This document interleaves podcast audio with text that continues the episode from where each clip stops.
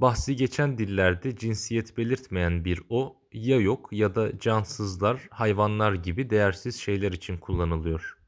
Diller çok eskiden oluştu.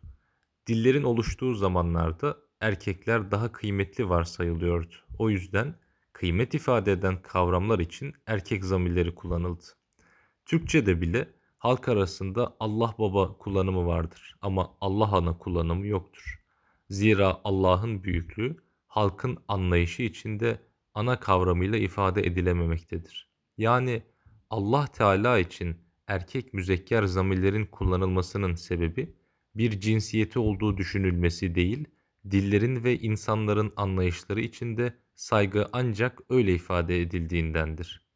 Binlerce yıl içinde oluşmuş dillerde sırf bu nokta için değişiklik yapma düşüncesi de çok uygulanabilir görünmemektedir.